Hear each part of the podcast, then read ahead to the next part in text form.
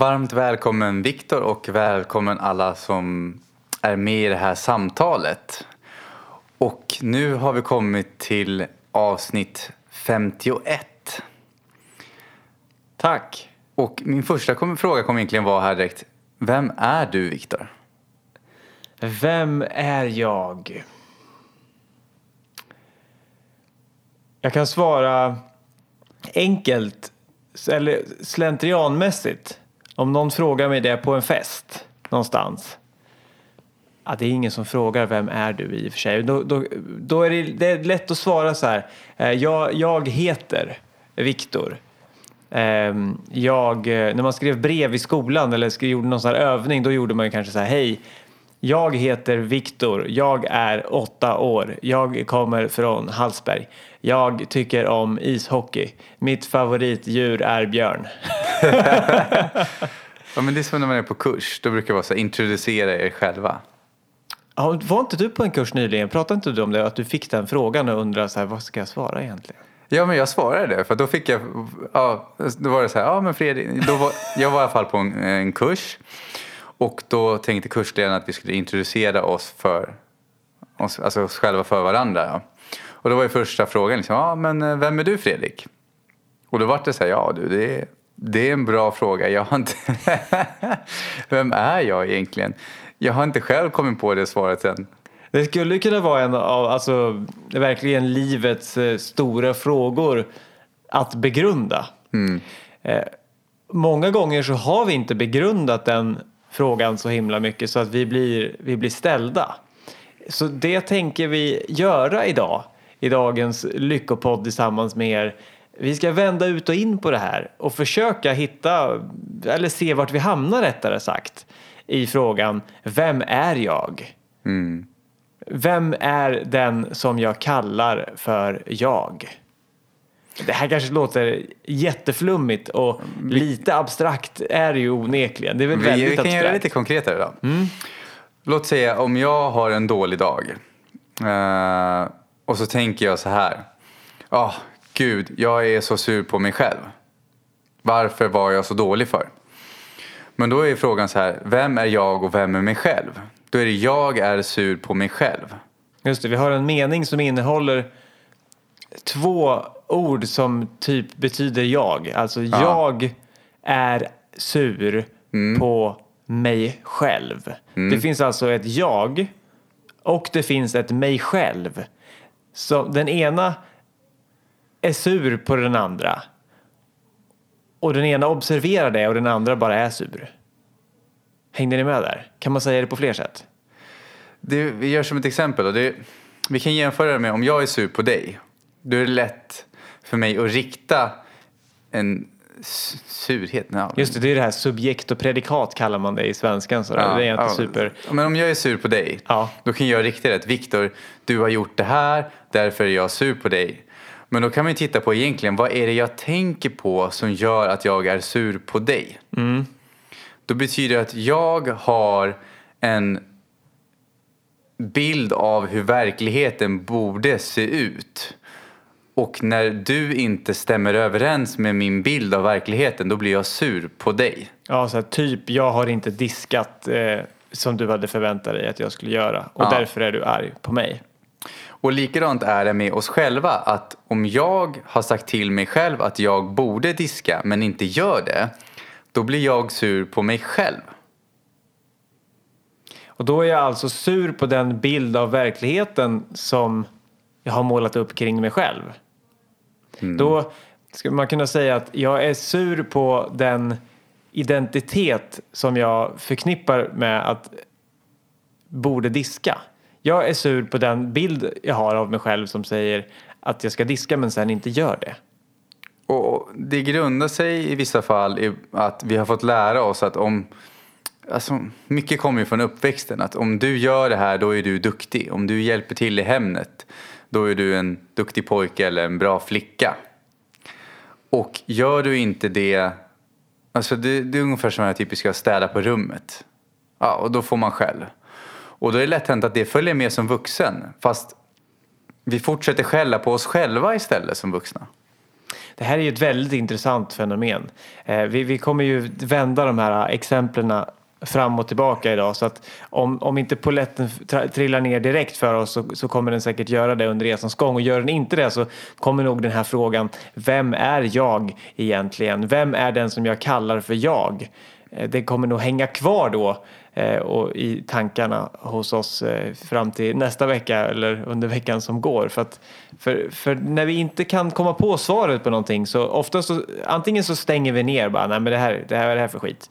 Det orkar jag inte tänka på. Eller så ligger det och skaver lite. Du vet som när man, när man hör en låt och så vet man inte riktigt hur den går. Så man går och nynnar på den där låten men kan inte riktigt komma på hur den går så, så då fortsätter man och så bara nej men nu får jag lägga ner den där jävla låten. Mm. Och det bästa sättet då för, för att faktiskt få ur den där låten ur huvudet det är att ta reda på hur texten går och sen kanske läsa det ett par gånger för sig själv för då vet man. För vårat, eh, vårat mind liksom vill gärna fylla i de luckorna vi har så det är ganska jobbigt att inte ha svaret på något som man är nyfiken på. Jag gillar Charlie Söderberg som jämför med hans son Primus som använder fjärrkontrollen till tvn och sen tror jag det är hans farmor eller mamma. Eh, Medan hans son Primus har inga problem, han var fyra år då, att få igång tvn och byta kanaler för att hitta sitt barnprogram. Medan hans mamma som är äldre, hon behöver hjälp med det. Men det är att som barn så har vi mycket lättare att vara i ett förvirrat tillstånd av att inte behöva ha kontroll. Att inte behöva veta. Medan som äldre för många, om man inte anpassar den attityden, så är det jobbigt att vara i ett tillstånd av att inte ha kontrollen, av att inte veta. Problemet blir att om vi tittar på kontroll, att känslan av att kontroll Många gånger är det att ju mer vi försöker kontrollera en sak, ju mer förlorar vi kontrollen och den tar kontrollen över oss. Är vi i en relation där vi försöker kontrollera den andra personen i svartsjuka så är det lätt hänt att svartsjukan tar kontrollen över oss och vi förlorar det vi försökte kontrollera helt och hållet istället. Ja, och det skulle kunna vara det med, med farmor eller vad det var. Hon, hon vill ha kontroll men känner sig Eh, känner sig liksom eh, som att hon inte har kontroll och hon klarar inte av elektroniken till tvn. Så istället så blir det inget tv-tittande alls för hon får inte på tvn och då fick ju faktiskt ja, fjärrkontrollen fick, fick kontroll över, över farmor då för då blev det inget tv-tittande. Kontrollen tog kontrollen för att farmor ville ha kontrollen. Medan sonen Primus den var lite fyndig faktiskt. Medan sonen Primus hade ingen problem med att inte behöva ha kontroll. Det var ett utforskande mer. Så han tryckte på alla knappar tills det funkade? Typ ja, så va? Precis. Just det. Men om vi då ska spåna kring det här. Vad, vem, vem är jag? Då kan man ju vända på det och säga vad är jag inte? Mm. Eh, är jag mina tankar? Det är, det är någonting man måste undersöka då. Va, vad ska, säger vi om det?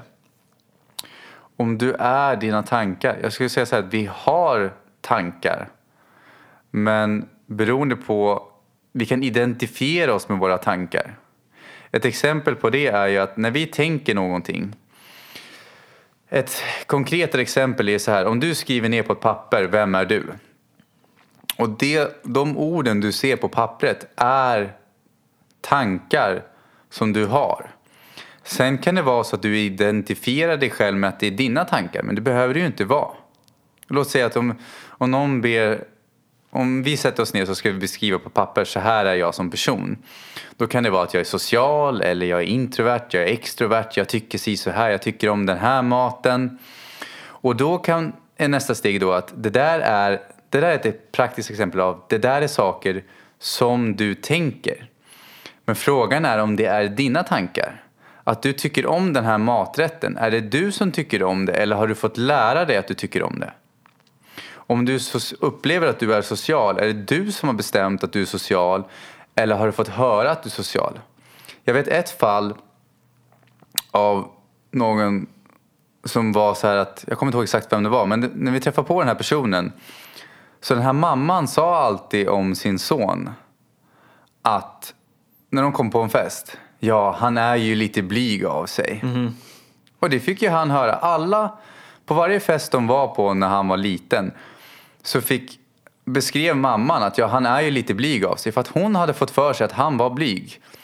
Men det kanske var så att han under en viss period i sitt liv var kanske varit mer reflekterande eller någonting sånt. Det kan vara många saker hur mycket som helst däremellan. Det kanske var så att han själv tolkade sig som blyg. Men hon förstärkte ju det hos honom. Så sen som vuxen, om han skulle beskriva sig själv så skulle han beskriva sig själv som blyg. Men egentligen var det hans mammas tankar om honom som han hade börjat identifiera sig med. Så att han i vuxen ålder när någon skulle beskriva honom, eller han skulle beskriva sig själv snarare, så beskrev han sig själv som blyg. Och han identifierade sig med de tankarna. Vad mm. tänker du om det? Jo, men eh, då kommer vi ju till att, att vi, jag har en tanke, men jag är inte tanken. Eh, för att annars kan jag inte säga så här, jag har en tanke, då säger jag, jag säger det. Jag har en tanke om att, eller jo, jag tänkte att. Det ja. betyder inte att jag är tanken, det betyder att jag har den. Ehm, och sen om vi då tänker en tanke många gånger så blir det någonting som vi identifierar oss med. Exempelvis jag är blyg. Oavsett om, om jag hittar på det själv eller om det har kommit utifrån. Så till slut så klistrar jag liksom ihop mig. Jag sätter, skapar ett, ett band mellan jag och tanken. Och då har vi skapat en identitet som säger jag är blyg.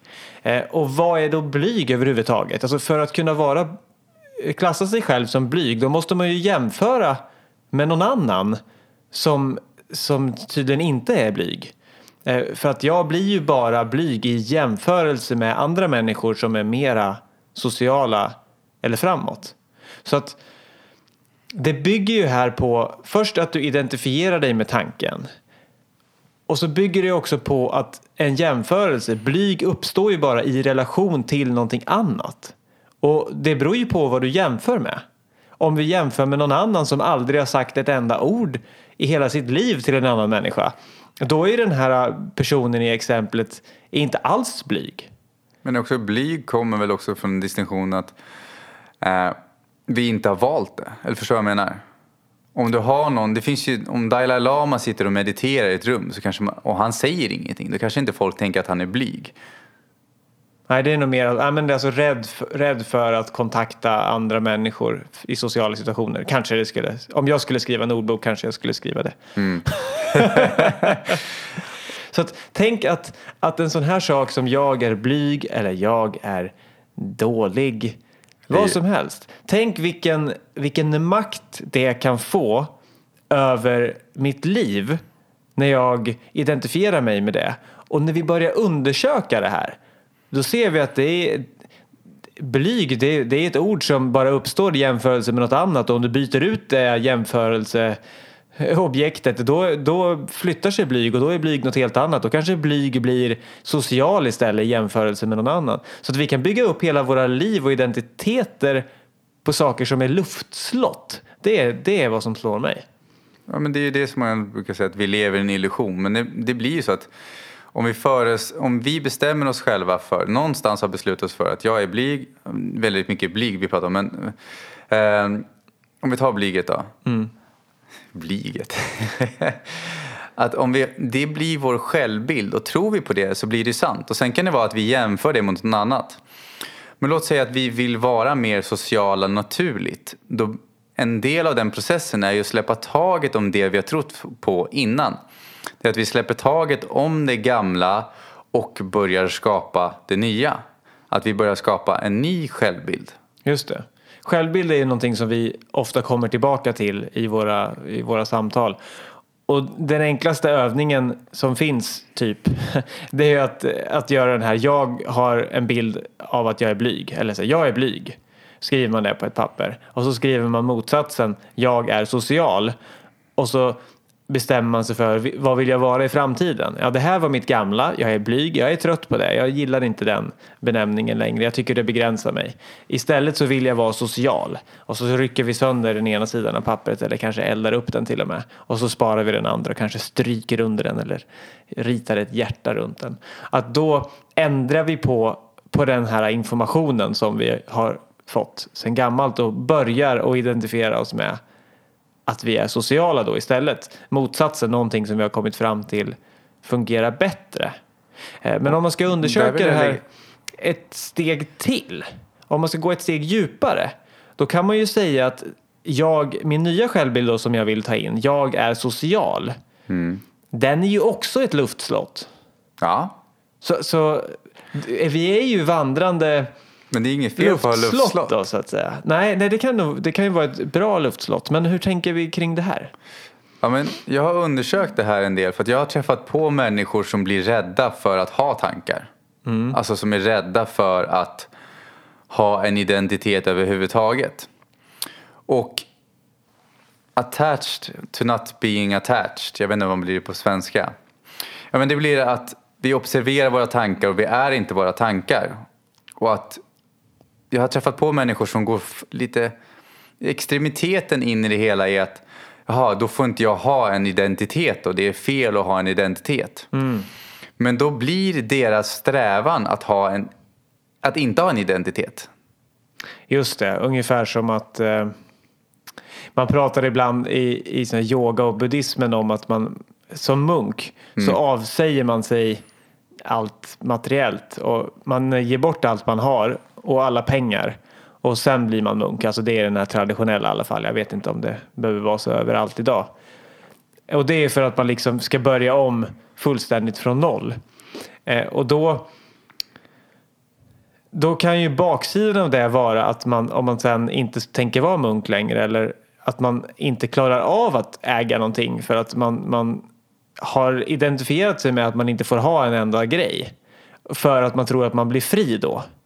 Så att när man väl kommer ut i samhället igen och behöver använda pengar och så i vardagen och ha lite grejer. Då, då, då har man en så stark identitet att man inte har några grejer. Och man gjorde egentligen det för att skapa, för att ta bort sin identitet. För att liksom komma ner på noll och vara ett oskrivet blad och vara i nuet i varje situation. Men istället så har man skapat sig en tvärtom identitet som säger att man absolut inte får äga någonting. Och det är ju bara en ny identitet så, som man är lika fängslad i. Så den som är då, munken vill ju bli fri så att säga, obunden. Den som är fri på riktigt är ju den som, som, som kan känna sig lugn i sinnet både när den har saker och när den inte har saker. Så att eh, då har vi rätt ut de två extremerna. Men den vanligaste extremen tror jag, det är väl den omedvetna. Alltså munken som vi pratar om nu som, som blir så som blir så liksom bunden till att inte ha någonting och Men den är helt också fri. omedveten för mig. Ja, men den är, ja, ja, det är sant. Den är också omedveten. Men den har ju åtminstone kommit från någon form av medvetenhet att jag är här och så vill jag inte ha det. Så då kan vi säga att det, det var en medvetenhet som säger att jag vill förändra någonting och så blev det en extrem som också blev ett fängelse. Men, då har man ju bytt ut. Ja, men jag, jag tänker så här då att Ja, men det är som att jag, jag, jag, jag måste lära mig att klara mig själv eh, utan att ha hund. Jag måste lära mig att, att inte vara ensam även om jag inte har ett husdjur. Och så slänger man ut hunden och så köper man en katt. Då har man ju bytt ut bara djuret liksom.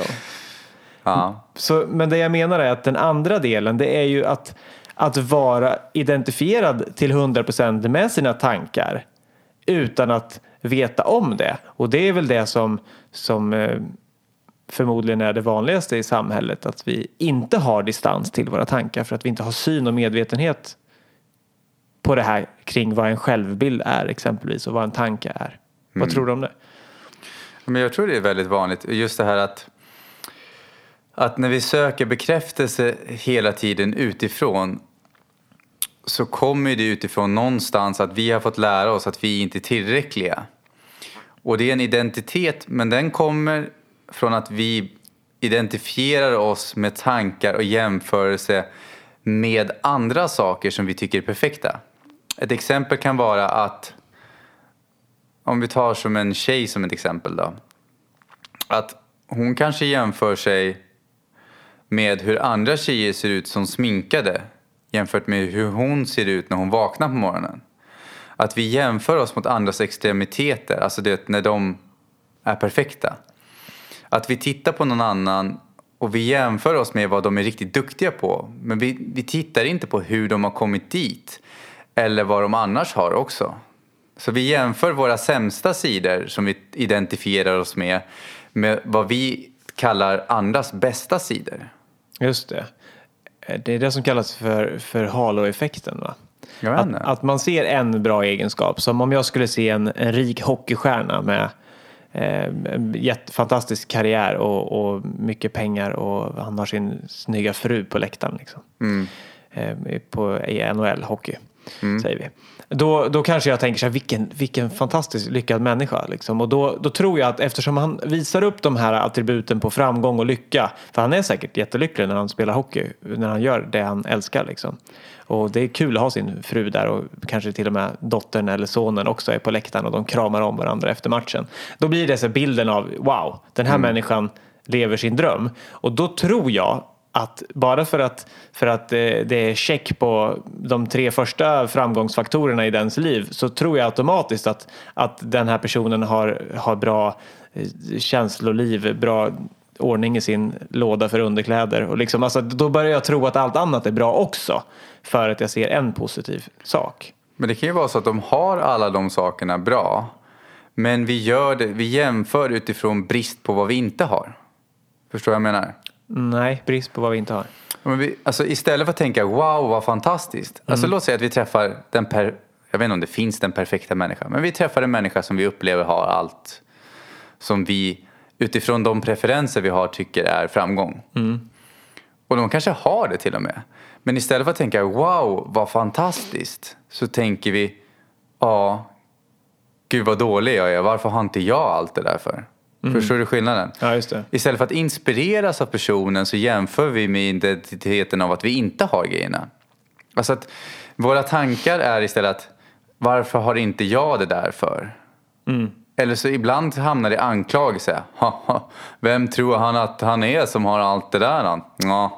Ja, för vi behöver ett försvars, en försvarsmekanism att eh, ta till för att hantera att någon har allt som vi önskar oss. Då kan vi antingen bli avundsjuka liksom och slå ner på oss själva, men det där skulle jag aldrig klara. Eller så säger vi bara, men vad är det där för stropp liksom som, som har allting? Det är något av de försvarsmekanismerna som vi går in på. Men, men ändå, vad är det som gör att vi att vi fungerar så här? Det här jämförandet. För jag tänker att på samma sätt som blyg bara uppstår i jämförelse med något som är mer eller mindre blygt så uppstår ju varmt i, bara i jämförelse med något som är kallare. Exempelvis.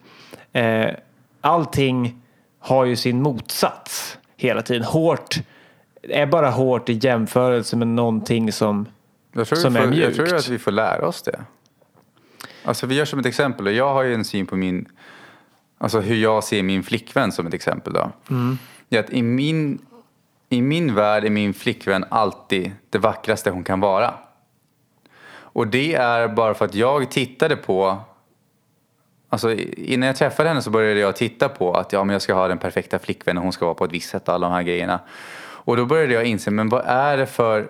Första saken jag insåg att det var att jag hade satt upp en mur mot mig själv för att kunna vara i en relation genom att sätta upp massa krav på saker som jag egentligen önskade att jag kunde uppfylla. Och det andra var att jag insåg att jag jämförde med Photoshop-bilder. Och jag jämförde med andra. Men så länge jag jämförde henne med ett tidningsomslag, så länge jag jämför henne med någon annan, då tänk, alltså då är det, förstår du, då är det ju jämförelsen. Men när jag började inse, att det där behöver inte vara sant. Bara för L'Oreal har en reklam för att så här ska en tjej se ut, då behöver inte jag jämföra min flickvän med det. Så när jag tog bort observerar de tankarna men jag jämför, jag har en preferens. Att det, alltså preferens menas på att vi jämför det ena mot det andra. Alltså Viktor baserar på mina preferenser vad som är en snygg person så är han vacker eller ful eller mittemellan. Men om jag istället tittar på att min preferens är att alla är det vackraste, alla är unika och alla är vackra utifrån den punkten. Då har jag bara, egentligen har jag bytt preferens. Men jag har bytt preferens till någonting som känns bra. Det finns ju, jag skulle säga att det finns nästan alltid en preferens, jag vet inte om det går att bli av med den. Men jag har bytt preferensen mot någonting som känns lätt och då brukar jag tänka att det känns, det är rätt. Jag tänker Då blir det det här- att jag alltid tycker om henne. Jag tänker att det här jämförandet just, att det, att det är eh, inprogrammerat i vårt sätt att fungera. Vårt, eh, finns ju finns det något bra? Jo, sinne är ett bra ord för det som man kallar mind på, på engelska. Att, att vi hela tiden tycker om eller stöter ifrån. Att vi attraktion eller motvilja till allt vi möter. Att jag hela tiden väljer det här är gott, det här är inte gott. Eh, nu är jag mätt och då vill jag inte ha mer. Nu är jag hungrig, då vill jag ha mer. Att vi reagerar på alla stimulanser genom sinnena genom att antingen vilja ha eller inte vilja ha. Och vad är det då som ligger till grund för det här vilja ha och inte vilja ha så är det vad vi tidigare har varit med om. Att det här har jag lärt mig är gott, det vill jag ha mer av. Det här är vad jag har lärt mig är vackert, det vill jag ha mer av. Eh, så att det är en överlevnadsmekanism eller egentligen en, en biologisk programmering för att vi hela tiden ska sträva efter det som vi tycker om och överleva. Om man ser på naturen så, så vill ju den bli mer hela tiden. Eh, växter och djur och allting Blommor blommar. blommar och försöker, alla som har en, en klängväxt, en slingerväxt, vet ju hur stora de vill bli liksom och de bara fortsätter och fortsätter. Och eh, de tar gärna allt, de kan roffa åt sig all näring, allt vatten för att eh, se till sitt eget bästa först och, och växa och, och, bli större. Och djur vill ju ha barn och vi människor vill ju också ha det och vi vill lämna någonting efter oss och sådär. Så att det är vår biologiska inprogrammering som säger att vi, vi tar, roffar åt oss saker som är bra och stöter bort saker som, som inte är bra. Så jag tror inte att vi kan komma undan det, hur perfekt vi än har det i, i uppväxt och sådär. Men frågan är om vi däremot kan, när vi nu blir vuxna och medvetna, äldre i alla fall, kan avprogrammera det som vi en gång har programmerat in så att vi som du säger här i ditt exempel slutar att jämföra för att vi kommer på att det här jämförandet det är det som är problemet. Jag kommer aldrig bli nöjd så länge jag bara jämför. Jag kan, det kanske låter Jag brukar ibland tänka att jag själv är konstig men senaste tiden liksom... det beror på vad man jämför med. Ja precis. Nej, men jag kan ibland sitta på tunnelbanan och känna bara, men gud, jag älskar er. Alltså om jag ser människor runt omkring mig så bara, jag älskar er. Vad fantastiska ni är. Och så vackra ni är. Och jag, jag har suttit och funderat på det. Vad är det som gjort att jag har gått från att mått dåligt till att helt plötsligt sitta där och tänka att jag älskar en främling som jag aldrig har träffat. Mm. Och det ena är att jag har bytt ut preferensen till vad älskar betyder och laddningen till den. För ibland när man säger kärlek eller älskar till någon så kan ju vissa ha väldigt negativa laddningar. Liksom. Men älskar för mig har mer varit att jag behöver ju inte kontrollera en form. Det behöver ju inte vara någonting jag är bunden till. Jag har inga krav till det. Men också att jag kan observera människor från att jag har preferensen att alla är vi vackra precis som vi är. Alla är vi tillräckliga precis som vi är.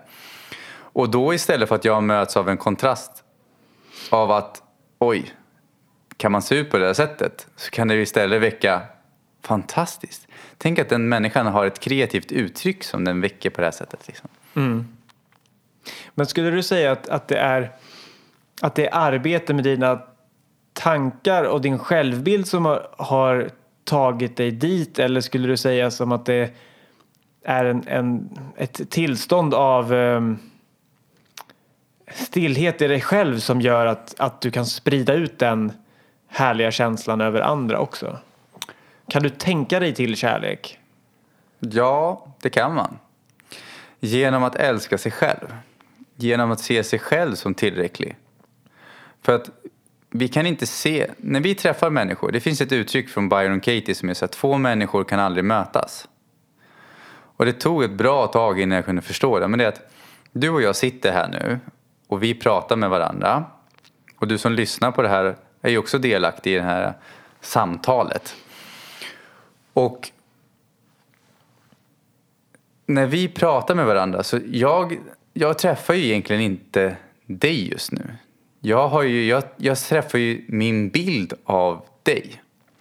Och det är därför till exempel om jag har en bild av dig och sen går du ut och så går du på någon kurs eller så läser du någon bra bok eller gud vet vad, vad du gör. Och helt plötsligt så har du kanske kommit med nya insikter om dig själv så du, du vill skapa en förändring och så kommer du tillbaka till mig.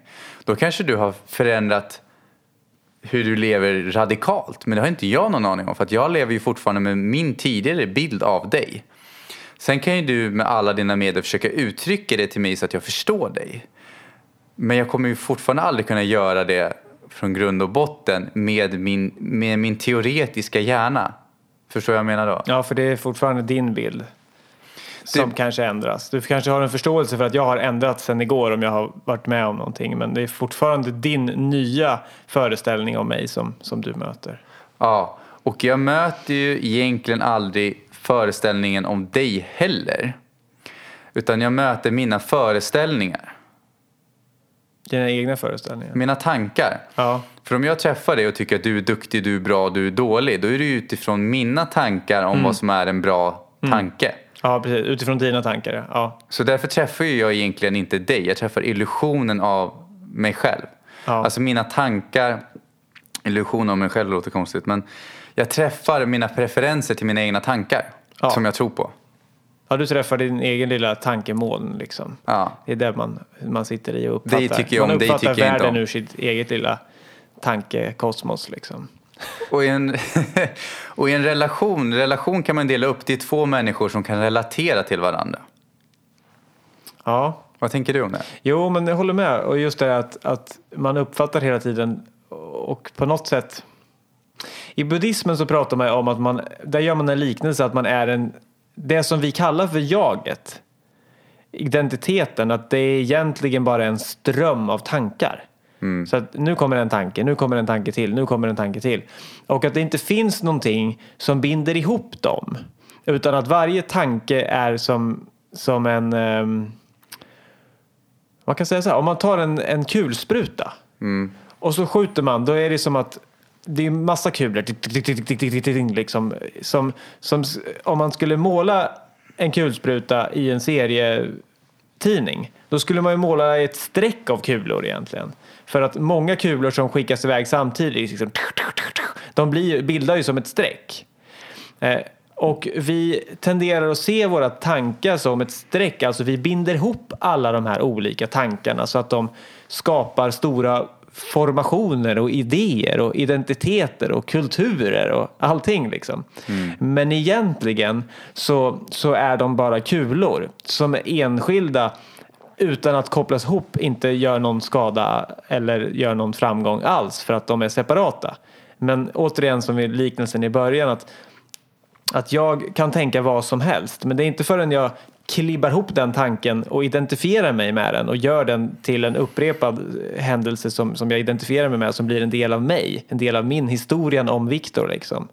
Jag är blyg, typ. Det är inte förrän jag har klibbat ihop dem som, som det blir en uppfattad del av mig själv.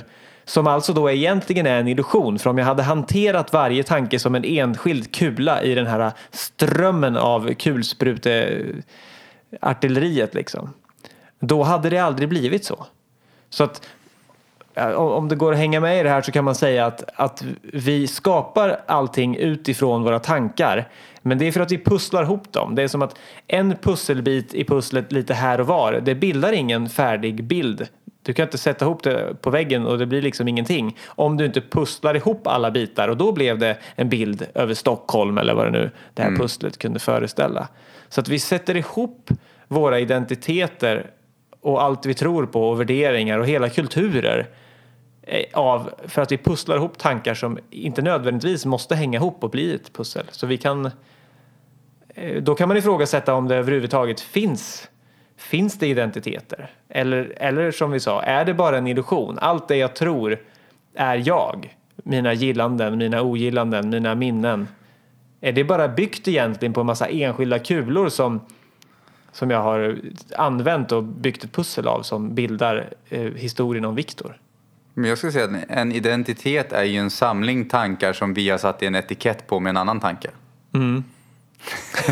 Så, så allt är egentligen tankar. Och, men om man tänker med det, eh, tänker, ni hör ju. Och om man ser på det i det här perspektivet. Finns det då någonting, om vi går tillbaks till grundfrågan. Vem, vem är, är det som jag kallar jag? Vem är jag liksom? Om, om det bara är ett hopkok. av enskilda separata delar då kan man ju på ett sätt säga att jag är bara en fantasiföreställning gjord av tankar och om jag tar bort det så vad, vad är jag då, då? Ingenting. Då bara är du. Alltså, det är så jag ser det. Vi pratar ju ibland om, om inre frid. Att, vi, att när, när tankarna stillas så kan vi komma i kontakt med ett lugn inom oss själva. Och för mig är det mycket därför som jag använder meditation för då kommer jag i kontakt med det lugnet. Och då kan jag ibland tänka tankar och liksom se verkligen att tankarna inte är, är jag utan att de kommer och går. Och då märker jag, då får jag en upplevelse av den här stillheten, liksom det här tomma bladet. Bakgrunden som du sen börjar lägga pusslet på. Och där finns liksom ingen identitet. För det har inte hunnit byggas någon identitet. Så att, att stilla sinnet är, är som att plocka bort pusselbitarna och se att jaha, jag är egentligen det vita pappret. Jag är inte det som är målat på pappret. Och då är ju frågan, så här, vem är du Viktor? Då skulle jag nästan svara, jag är ingenting. Och allting på en och samma gång. Just det, för om jag inte är någonting särskilt, om jag inte har en fast bild om vad jag är, då har jag plats för att vara allting. Men det är ju också att det här är, varför det här är en viktig del av inre frid kan jag jämföra med. Och låt säga att jag har ett nytt mål. Jag håller på och skriver på två böcker samtidigt just nu. Och jag hade förut en identitet av att jag är dålig på att skriva. Men så började jag titta på den identiteten så att den där vill ju inte jag ha. Jag mår inte bra av den. Eh, men på vägen då som i själva skrivandet så har jag fortfarande släppt taget av identiteten av vad jag inte är under tiden. Förstår du hur jag menar då? Du har, du har släppt taget om att du eh, har Ja, en tanke som säger att du inte är bra på att skriva. Ja, vi säger så här då. Vilket ett tidigare exempel då. Det är att en person har dålig ekonomi. Då kan man ju må dåligt över att man har dålig ekonomi. Men det hjälper ju knappast på vägen till att så länge det inte hjälper dig att få nog och skapa en förändring därifrån. Men om man fokuserar på att jag är en person som har dålig ekonomi och jag önskar jag hade bra ekonomi. Eller jag, kan liksom, jag går till ett jobb som jag inte tycker om. Eh, och egentligen vill jag inte vara det, egentligen vill jag göra något annat. Men så länge vi identifierar oss med den identiteten så mår vi ju ännu sämre. Alltså, jag är mer en betraktare av mig själv som att, ja vad intressant, nu får jag jag det blir som att jag tittar på TV, fast i mitt eget liv. Jag är stjärnan i min egen eh, dokusåpa liksom. Och jag, jag observerar identiteten jag har levt. Men jag slutar vara den och det gör att jag inte mår dåligt. Om du har en person som kanske har dålig ekonomi som slutar identifiera sig med att vara en person som har dålig ekonomi och att det är någonting dåligt, då slutar de ju må dåligt. Och det frigör ju energi till att göra någonting av saken också. Men det är att Ja, de inte mår dåligt under resans gång heller. Så man, man kan ha sin identitet och det är väldigt svårt att, att inte ha några identiteter. Men eh, glädjen vi kan finna i att ta ett steg ut och med din liknelse där bli den som sitter i, i soffan och tittar på dokusåpan om sig själv. Och kanske inte ens ser det som sig själv utan ser det som en figur bara. Som en karaktär. För då avidentifierar vi oss från oss själva och så ser vi att den här personen i dokusåpan blir av med jobbet. Och så det blir spännande. Nu ska vi se vad som händer med den personen. Eh, och du vet, man tittar ju på dokusåpor. Jag gjorde det förr i alla fall. Nu, nu gör jag inte det. Eh, för jag har ingen tv, annars hade jag kanske kollat ändå. Eh, Men när jag var yngre så kollade jag. Och då, var, alla dokusåpor slutar ju när det är väldigt dramatiskt.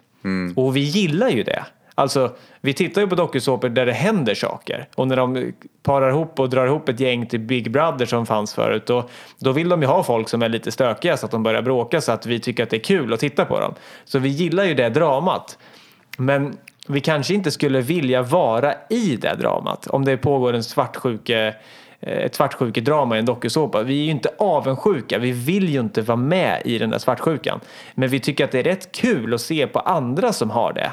Så att, Om det finns någon del av oss som resonerar med svartsjuka. ja, så kan det nog vara. Men, men jag tänker ändå det här. Jag bara fortsätter i den liknelsen. Ja. För vi pratar om så, eh, så jag, jag fortsätter med liknelsen helt enkelt. Ja. Så Om jag däremot sitter i tv-soffan och tittar på det här svartsjukedramat, då kan jag tycka att det är ganska kul. Även om det svartsjuka är ett problem och struligt för de som är med i det. Så att, tänk om man då kan ta, ha det här förhållandet till sig själv. Att när man syltar in sig i saker som är rätt jobbiga. Mm. Tänk om man kan titta på dem utifrån och tycka att det här blir ju spännande att se hur den här personen löser det svartsjukedramat. Eller hur den här personen löser det här utan att ha pengar eller någonting. Mm. Och då är vi tillbaks till att det, det tycks finnas två två jag. Jag observerar att jag är svartsjuk. Typ. Jag sitter en bit ifrån och ser att jag är svartsjuk eller att jag inte har något jobb. Det finns mer än en, ett, det finns mer än ett jag i den meningen. Och det, hur, det är värt att fundera kring. Vem är det som observerar? Vi, det är inte alltid vi behöver ge ett svar där. Jag tror var och en får fundera på det. Vem är det som observerar? Vem är det som tycker att jag inte duger? Mm. Och med det så får vi avrunda veckans podcast. Jag får tacka alla som lyssnar. Du är perfekt precis som du är. Du är vacker, du är underbar. Du är kärleksfull. Du är fulländad. Och vad händer? Det jag vill att, när jag säger de sakerna vill jag att fundera på vad händer hos dig när jag säger de sakerna? Mår du dåligt av det? Jag tänker, vad är det? Hur kan han säga sådana saker? Mår du bra? Blir du provocerad? Blir du arg? Blir du glad? Och det är dina tankar om dig själv som väcks där. Och nu när du har de tankarna, observera, vill du fortsätta tro på dem? Vill du identifiera dig med de tankarna? Och tillåt dig bara observera dem och känna det du känner. Mm. Alla tankar, alla identiteter, alla idéer, alla koncept är fullständigt okej okay. och jag skulle vilja säga aldrig ett problem. Men vi kan vara lite aktsamma med det här klistret som vi lägger ut som gör att vi kopplar ihop oss med tankarna. Mm.